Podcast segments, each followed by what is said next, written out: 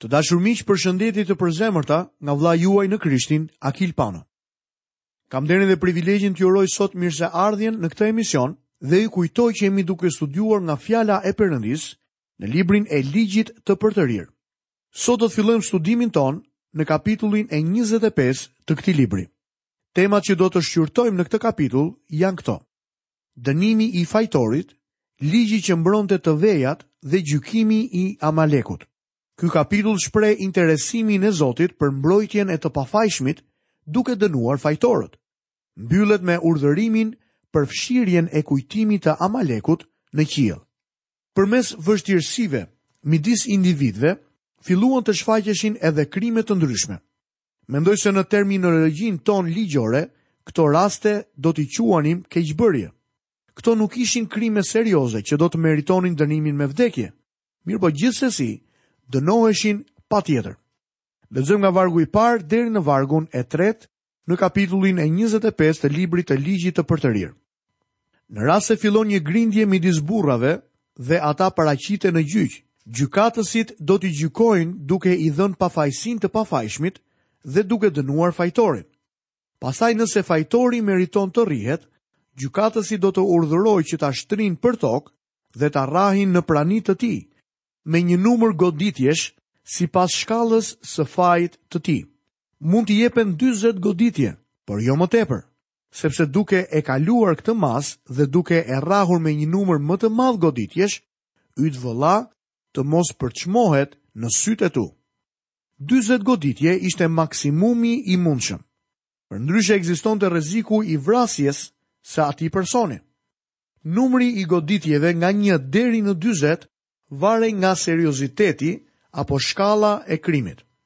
Kjo metodë dënimi ka dalë krejtësisht jashtë mode. Njëherë kam dëgjuar një diskutim interesant të disa përfaqësuesve ligjorë në lidhje me këtë çështje. Ata ranë dakord se nëse kryheshin rrahje publike me kamzhik, do t'i jepej fund shkeljeve të mëdha të ligjeve.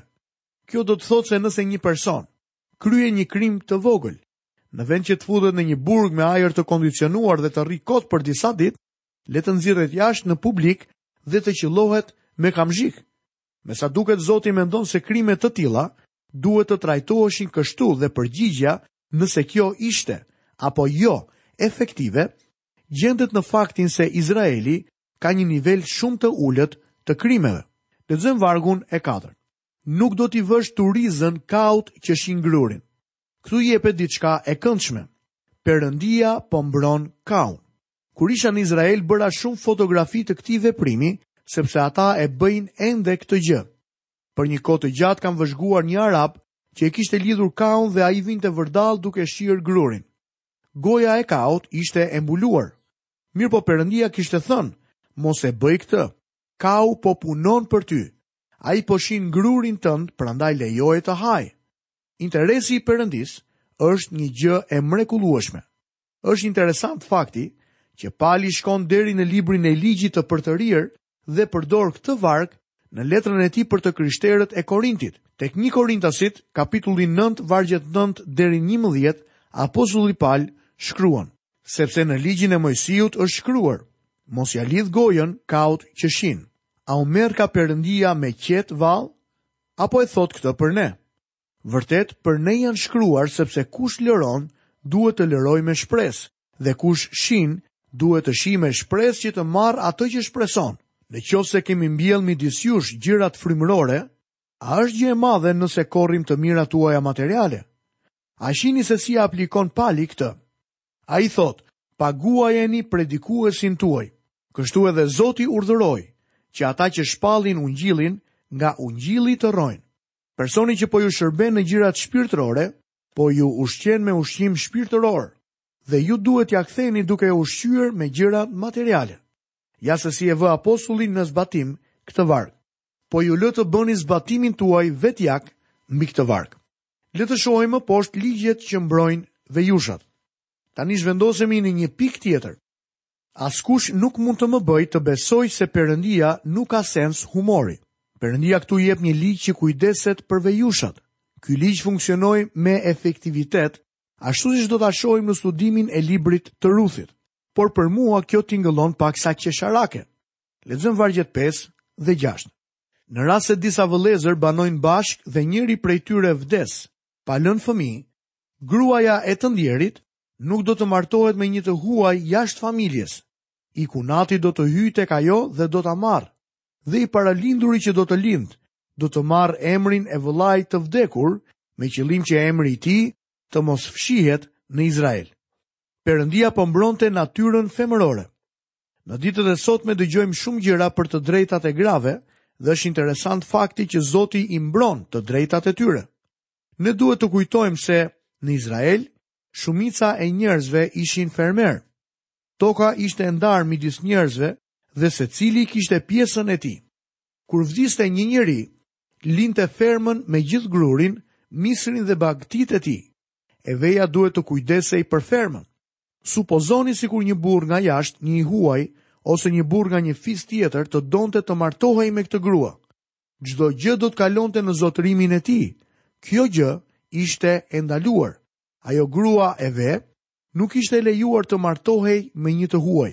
Në këtë rast, gruaja e ve bënte propozimin. Ajo duhet të merrte për burrë një nga vëllezërit e burrit të saj, një kushëri ose të afërmin e tij. Lexojmë në vargun e 7. Por në rast se ai burrë nuk dëshiron të marrë të kunatën, kjo do të ngjitet në portën e pleqve dhe do të thotë, im kunat nuk pranon të ngrerë emrin e vëllait të tij në Izrael.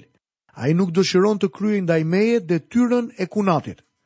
Nëse vëllai apo kushëriri nuk donte të martohej me të, ajo mund ta çonte këtë çështje në gjyq.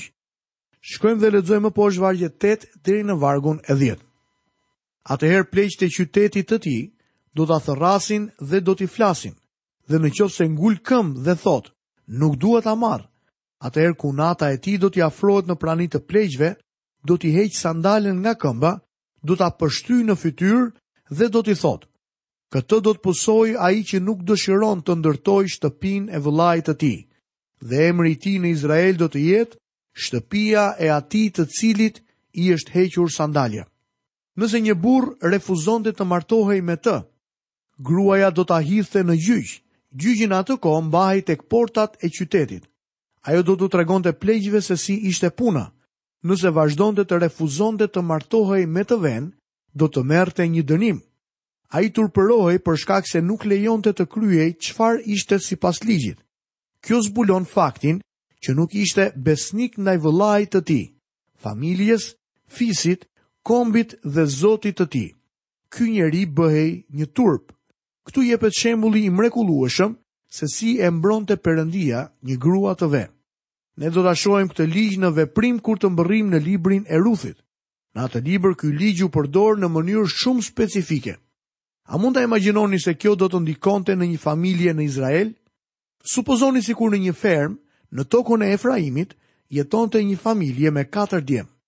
Çdo natë njëri prej tyre dilte jashtë me një fener dhe kur kthehej për të rënë në shtrat, gjithmonë fishkëllente. Shumë shpejt familja do të mblidhej dhe vëllezërit do ta pyesnin, Ku shkon ti çdo mbrëmje? Ata kishin hetuar dhe zbuluar se në familjen që jetonte poshtë në rrugë banonte edhe një vajzë. Kështu që vëllait i duhej të pranonte. Unë besoj në politikën e fqinjësisë së mirë dhe kam shkuar për të vizituar familjen që sapo ka ardhur. Dhe ai do të pranonte se po mendonte që të martohej me atë vajzë. Nëse vëllezërve nuk do t'ju interesonte shumë ajo vajzë, a mund ta imagjinoni pak se çfarë do të ndodhte? Ata do t'i thoshnin të vëllait, "Dëgjo, para se të kesh ndonjë dëshirë, do të bësh mirë të shkosh tek një doktor për të bërë një kontroll fizik. Ne duam të jemi të sigurt që ti je në gjendje të mirë shëndetësore para se të martohesh, sepse asnjë njeri prej nesh nuk ka qejf ta ketë barrë atë. Martesa në Izrael ishte një çështje familjare. Kjo ishte mënyra e Zotit për t'i mbledhur familjet bashkë me njëri-tjetrin dhe për të mbrojtur të vejat dhe tokën. A e shikoni që kjo ishte edhe një mënyrë se si toka mund të qëndronte brenda së njëjtës familje. Ky ishte një ligj shumë i mirë për ta. Vargu tjetër, na jep një dënim të ashpër për përfshirjen në një luftë midis burrash. Perëndia urdhëron njerëzit e tij të jenë të saktë në masat dhe peshat e tyre. Ata duhet të jenë plotësisht të ndershëm në punët e tyre ditore. Lexojmë nga vargjet 17 deri 19. Kujto atë që bëri Amaleku gjatë rrugës kur dolët nga Egjipti. Ai të doli përballë rrugës duke sulmuar nga prapa tërë të dobëtit që ishin të fundit, kur ti ishe i lodhur dhe i mbaruar dhe nuk pati fare frikë nga Perëndia. Kur, pra, Zoti, Perëndia yt, do të sigurojë qetësi nga armiqtë e tu rreth e përqark vendit që Zoti, Perëndia yt, të jep si trashëgimi për ta pushtuar? Do të fshish kujtimin e Amalekut nën qiellin, mos e harro. Izraeli vuajti një sulm pa shkak nga Amaleku në Refidim. Ishte beteja kur Mojsiu ndodhej në majë të malit dhe Aroni dhe Huri i mbanin krahët lart në lutje përpara Zotit. Kur duart e tij ishin lart, Jozueu dhe ushtria e Izraelit fitonte. Kur duart uleshin, ata humbisnin. Më në fund, ata fituan mbi Amalekun. Në atë kohë Zoti tha një gjë mjaft interesante. Do të fshish kujtimin e Amalekut nën qiell. Ashtu siç e përmenda edhe më parë, Amaleku përfaqësonte mishin, pra natyrën e rënë që trashëguam nga njeriu i parë, Adami. Perëndia synon që të çlirohemi prej natyrës sonë të vjetër. Do të jetë e pamundur të shkojmë në qiell me këtë natyrë. Unë dhe ti kemi një natyrë të vjetër që nuk mund të jetë kurrë e bindur ndaj Zotit. Ne do ta trajtojmë këtë subjekt kur të mbërrijmë në letrën drejtuar romakëve. Amaleku është një ilustrim i mishit. Për aq kohë sa jemi në këtë jetë, Nuk do të çlirohemi kurrë nga mishi. Eksodi shtatëmbëdhjetë dhe vargu i gjashtëmbëdhjetë thotë, Dora u ngrit kundër fronit të Zotit dhe Zoti do t'i bëjë luftë Amalekut, brez pas brezi. Në kapitullin njëzet e tre, pamë se mishi nuk duhet përçmuar prej nesh.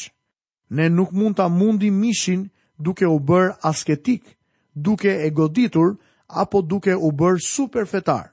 Kjo nuk do të përmbushë asgjë. Ne duhet të kuptojmë se në gjithsecilin prej nesh zhvillohet një luftë, një luftë midis shpirtit dhe mishit. Galatasve 5:17 na tregon sepse mishi ka dëshira kundër frymës dhe fryma kundra mishit. Dhe këto janë të kundërta me njëra-tjetrën që ju të mos bëni ato që dëshironi. Ne nuk mund ta mundim mishin duke luftuar, E vetmja mënyrë se si mund ta mundim mishin është duke e kryqëzuar atë çdo ditë tek altari i lutjes. Vetëm shpirti i Zotit mund të prodhojë frytet e frymës në jetën tonë. Zoti tha se ai do të fshijë kujtimin e Amalekut nën qiell. Falënderoj Perëndinë që ai do të na çlirojë një ditë nga mishi. Këtu i ka ardhur fundi edhe studimit tonë mbi kapitullin e 25 në librin e ligjit të përtërirë. Fillojmë tani studimin mbi kapitullin e 26 të këtij libri. Temat që do të shqyrtojmë janë frytet e para dhe dita e falënderimit. Kapitulli përpara nesh përfaqëson një ceremoni të bukur në lidhje me ofertën e frutave të para.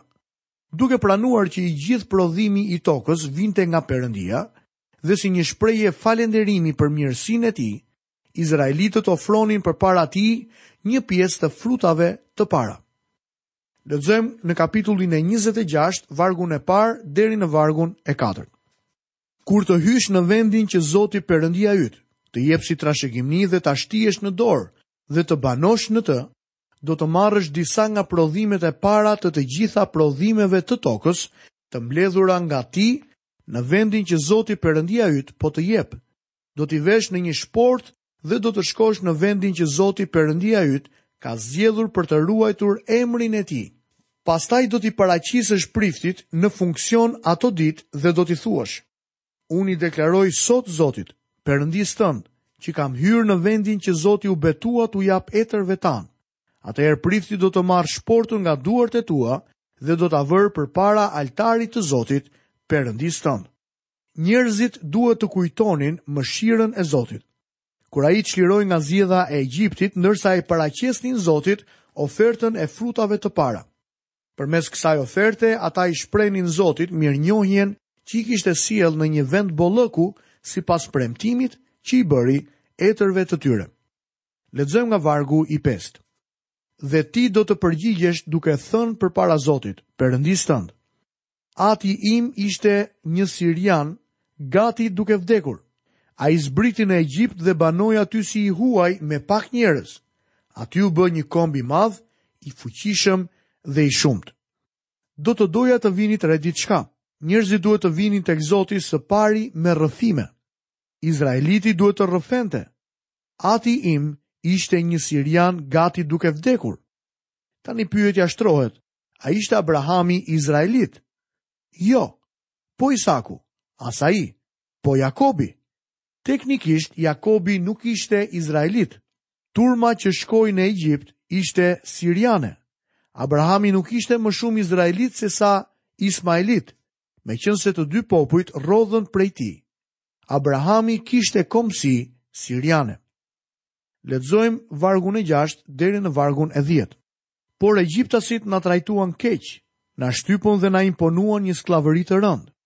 Atëherë bërtitëm dhe Zoti Perëndia i etërve tanë e dëgjoi zërin tonë, pa dëshpërimin tonë, punën tonë të rëndë dhe shtypjen tonë.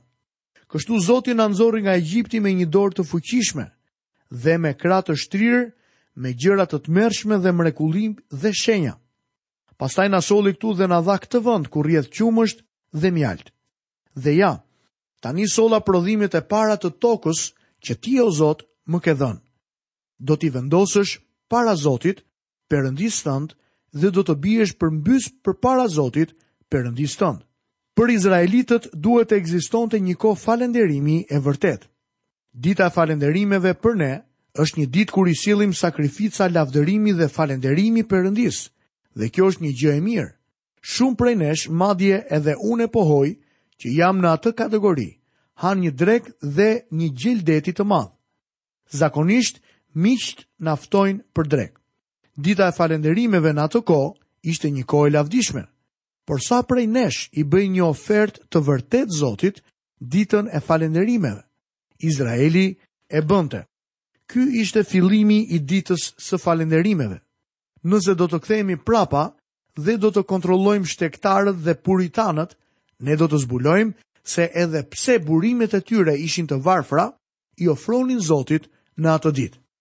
Do të ishte mrekullueshme nëse ofertat tona të falënderimit dhe të lavdërimit mbështeten edhe me të ardhurat tona. Lavdërimi dhe të ardhurat ecin krah për krah në fjalën e Perëndisë. Pjesa e dytë e këtij kapitulli trajton deklarimin e bindjes së një izraeliti ndaj Zotit. Lexojmë vargjet 12 dhe 13. Kur të kesh mbaruar së dhëni tërë të dhjetat e të ardhurave të tua në vitin e tretë, viti i të dhjetave, dhe ua ke dhënë levitit, të huajit, jetimit dhe gruas së ve, me qëllim që t'i hanë brenda portave të tua dhe të ngopen, do të thuash përpara Zotit, Perëndisë tënd. Unë kam hequr nga shtëpia ime atë që është shenjtëruar dhe ua kam dhënë levitit, të huajit, jetimit dhe gruas së ve, në bazë të të gjitha gjërave që më ke urdhëruar. Nuk kam shkelur as kam harruar asnjë nga urdhërat e tua. Nëse Izraeli do t'i mbante urdhërimet e tij, Zoti premtoi t'i bënte popullin e tij të veçantë dhe t'i vendoste mbi të gjitha kombet e tokës. Të dashur miq, këtu kemi mbërritur dhe në fundin e emisionit të sotëm. Jam mirënjohës Perëndisë që kemi qëndruar së bashku përgjatë minutave të këtij emisioni duke studiuar fjalën e Zotit të gjallë. Puna dhe detyra jonë si besimtarë nuk merr fund në këtë vend. Detyra jonë është që të zbatojmë urdhërimet e Zotit. Fjala e Zotit na mëson që dishepujt e Krishtit janë ata që zbatojnë urdhërimet e tij. Lutem që fryma e Perëndisë t'ju forcojë në njeriun tuaj të brendshëm në mënyrë që të jeni të bindur ndaj fjalës së mrekullueshme të Zotit. Nga vëllai juaj në Krishtin Akil Pano, paçi të gjitha bekimet, hirin dhe paqen e Perëndisë me bollëk në jetën tuaj. Bashkë mirudëgjofshim në emisionin e ardhshëm.